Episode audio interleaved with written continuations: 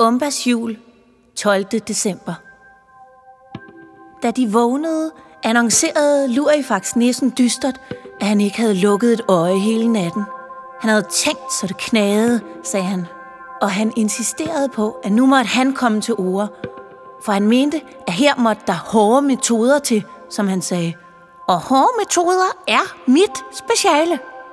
Bartolin fyrkat strakte sig. Han havde vist sovet meget godt, og Madame Tønnesen nikkede alvorligt.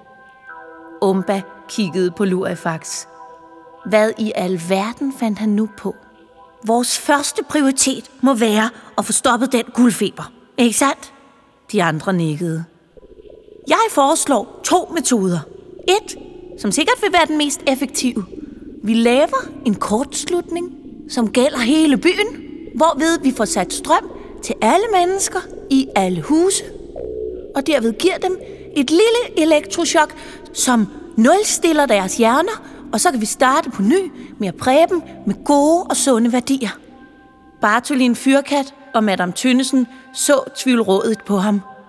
Men Umba sagde bare, nej, under ingen omstændigheder, Lurifax.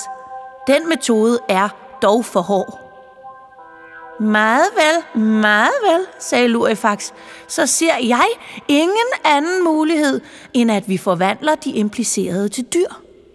Dyr er ikke grådige. De tænker ikke på sig selv.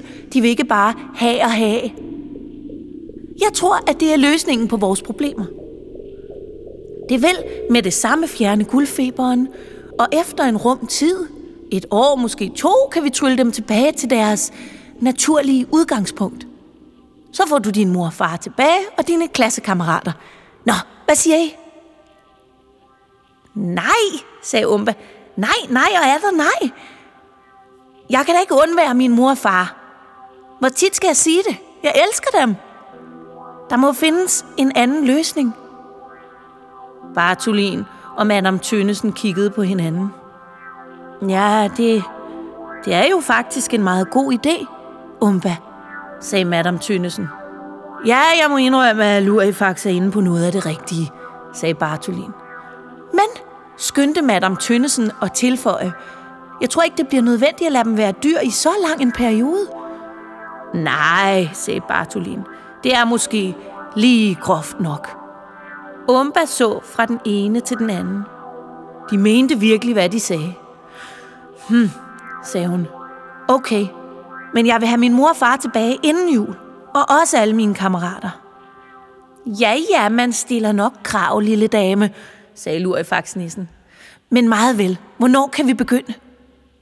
Nu, sagde Bartolin, og det kan kun gå for langsomt. De skyndte sig alle tre ud i køkkenet, hvor mor og far sad fordybet over deres skærme, og hverken havde tid til at sige hej eller godmorgen. De lagde på ingen måde mærke til hverken Umba eller nisserne. Nu er der det ved den her formular, sagde Lurifax, at jeg kan ikke styre, hvilke dyr de bliver. De bliver de dyr, der ligger naturligt for dem. Så håber vi bare, at det ikke er nogen alt for besværlige og pasningskrævende dyr. Åh, oh, oh, sagde Umba. Lad os komme i gang. Og Lurifax nissen dansede noget, der lignede lidt af en krigsdans, mens Bartolin Fyrkat og Madame Tønnesen så beundrende på ham. Han svingede med armene og slog sig på træskoene og vrikkede med rumpen. Løftede lidt på huen og udstødte nogle mærkelige hyl. Lidt efter lidt begyndte rummet at dreje. Som om alle møblerne dansede rundt for øjnene af Umba. Hendes mor og far begyndte at flyde ud. Det var som om de blev gennemsigtige, for langsomt at tage en anden form. Umbas far blev tydeligvis en kæmpe stor gorilla. Hold da op, hvor er han stor, sagde Umba. Det finder vi ud af, det finder vi ud af, sagde Madame Tønnesen. Og Umbas mor blev en lille bitte surikat. En af dem, der står på bagben og sniffer ud i luften. Med nysgerrige øjne og som piler lynhurtigt frem og tilbage. Sådan en af dem, der elsker at grave grave og tunneller. Og så faldt alting langsomt på plads, og rummet tog sin normale form. Gorillafar tog med det samme iPad'en og bankede hårdt ned i gulvet, hvorefter han kravlede op på spisebordet og slog sig på brystet.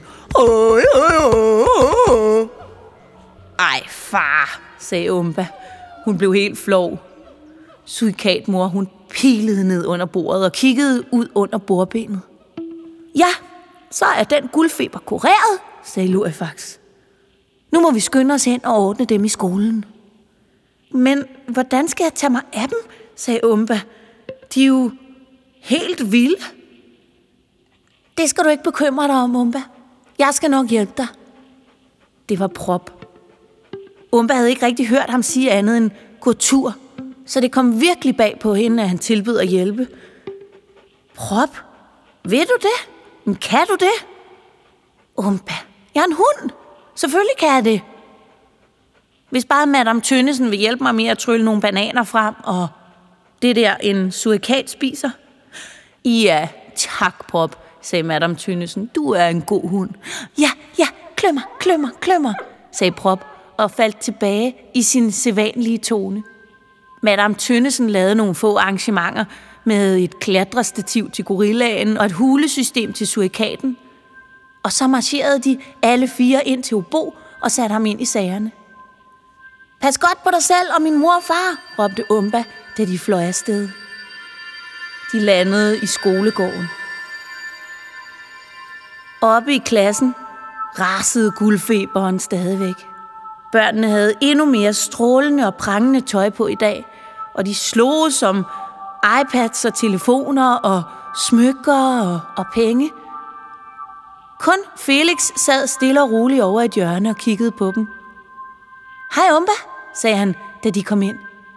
Hej Felix. Har du ikke guldfeber? Nej, sagde Felix. Jeg er blevet kureret, da jeg var barn. Min mor og far har haft det altid. Og så er jeg gået i den anden grøft.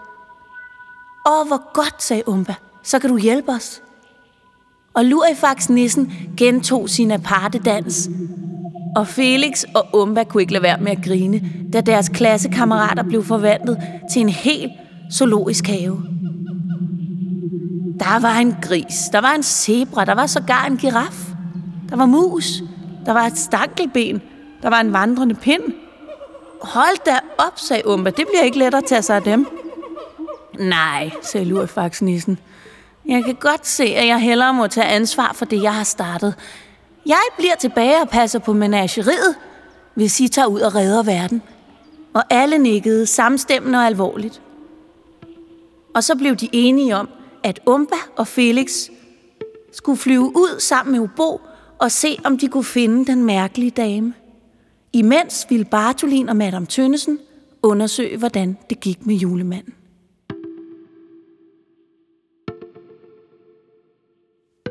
Her slutter dagens afsnit af Umbas jul. Umbas jul er digtet og fortalt af Katrine Høj Andersen.